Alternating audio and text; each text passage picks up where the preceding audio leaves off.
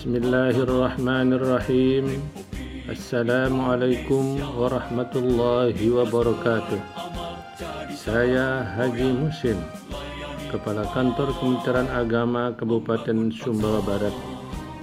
Program Bahasa Totang ini merupakan salah satu sarana dalam memberi bimbingan keagamaan kepada masyarakat khususnya di Kabupaten Sumbawa Barat ini. Semoga kiranya program Bahasa Totang ini bisa diterima dan bermanfaat bagi masyarakat. Selamat menikmati. Wassalamualaikum warahmatullahi wabarakatuh.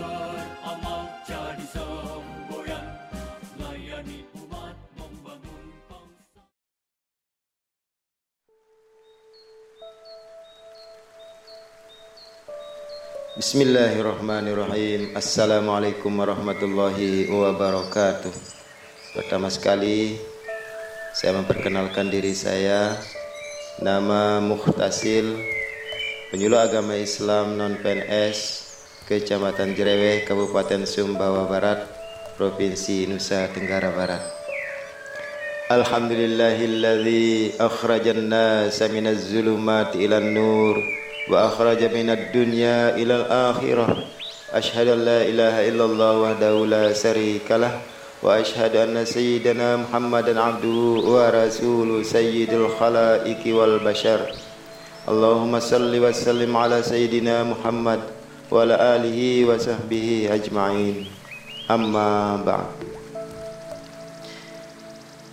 kaum muslimin sahabat yang budiman dalam sebuah riwayat sebuah kisah yang diriwayatkan oleh Ibnu Abdul Bar dari Abu Hurairah bahwa Rasulullah sallallahu alaihi wasallam pernah melewati suatu tempat. Di situ ada seorang lelaki yang dikerumuni banyak orang. Beliau bertanya kepada mereka apa ini? Seorang yang luar biasa pandai wahai Rasulullah jawab mereka Kemudian Rasulullah bertanya, "Pandai tentang apa?" Lalu mereka menjawab, "Syair dan nasab-nasab Arab, ya Rasulullah." Beliau bersabda, "Tahu tidak ada untungnya, tidak tahu tidak ada ruginya." Sabda Rasulullah sallallahu alaihi wasallam ini menyiratkan ketidaksetujuan Sebab dengan mengetahui sesuatu yang tidak ada gunanya pada hakikatnya adalah sebuah kerugian besar. Rugi waktu, rugi tenaga, rugi potensi. Oleh karena itu, jika tidak ada gunanya, maka masih lebih baik kita tidak mengetahuinya. Sebab hal-hal yang tidak berguna jika dibiarkan berlarut-larut, maka akan membawa dampak yang kurang baik. Sahabat budiman rahimakumullah. Dalam konsep tasawuf ada pengetahuan yang merugikan, maka ada pula ketidaktahuan yang menguntungkan. Ibaratnya seperti keterbatasan indera penglihatan kita. Seandainya mata kita bisa melihat bakteri, mungkin akan sangat sulit bagi kita untuk menikmati makanan dan minuman.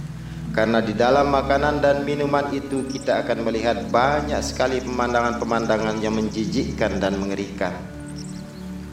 Untungnya Allah tidak menjadikan mata kita seperti mikroskop saudara-saudaraku.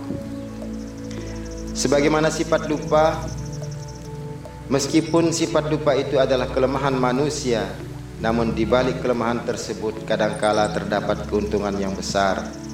Bayangkan Seandainya kita tidak bisa melupakan semua hal yang kita alami, mungkin kita tidak akan pernah bisa hidup dengan tenang.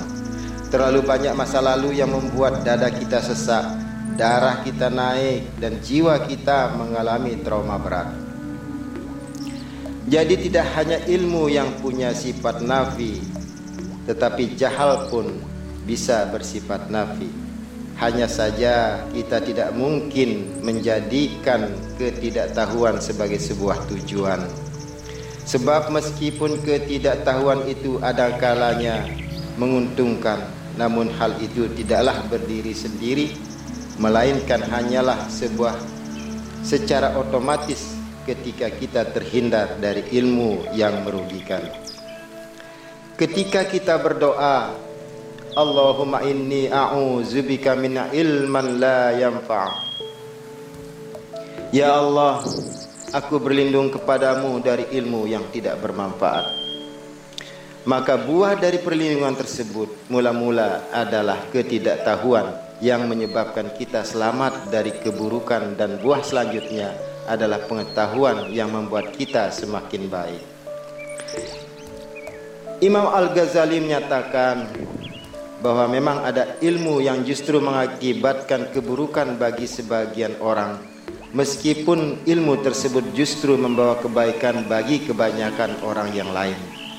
Ibaratnya ada orang yang justru jatuh sakit ketika mengkonsumsi daging burung.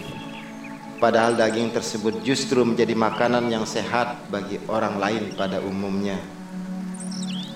Bahkan tidak jarang ada orang yang justru mendapatkan kebaikan justru karena dia tidak mengetahui suatu hal. Mengenai hal itu, Imam Al-Ghazali menyampaikan sebuah cerita. Seorang suami membawa istrinya kepada seorang tabib karena tidak kunjung hamil. Setelah melakukan diagnosa, maka dengan penuh kemantapan tabib itu bilang kepada si istri, "Engkau tidak usah berobat. Tidak ada gunanya engkau minum obat untuk hamilan. Engkau akan mati dalam 40 hari ke depan."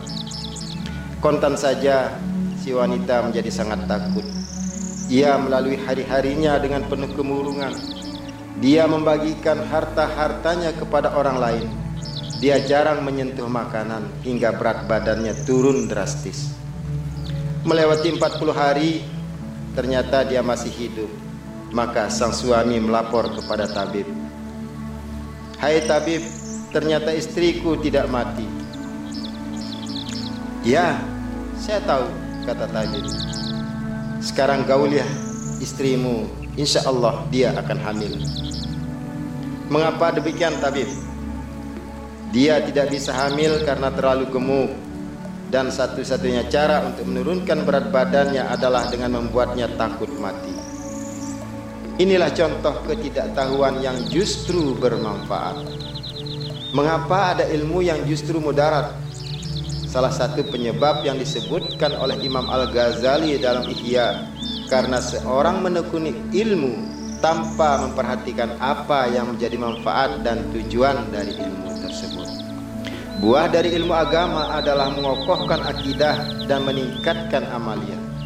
Jika seseorang menekuni ilmu agama, justru akidahnya semakin goyah dan amaliyahnya semakin buruk, berarti ada yang salah pada fondasinya. Imam Al-Ghazali menyatakan, tidak jarang ada orang yang mendalami semua ilmu, tapi dia justru menjadi semakin buruk gara-garanya. Seandainya dia tidak mendalami ilmu tersebut, maka keadaan dia yang semula akan lebih baik daripada keadaan dia yang selanjutnya. Wallahu a'lam. Wassalamualaikum warahmatullahi wabarakatuh.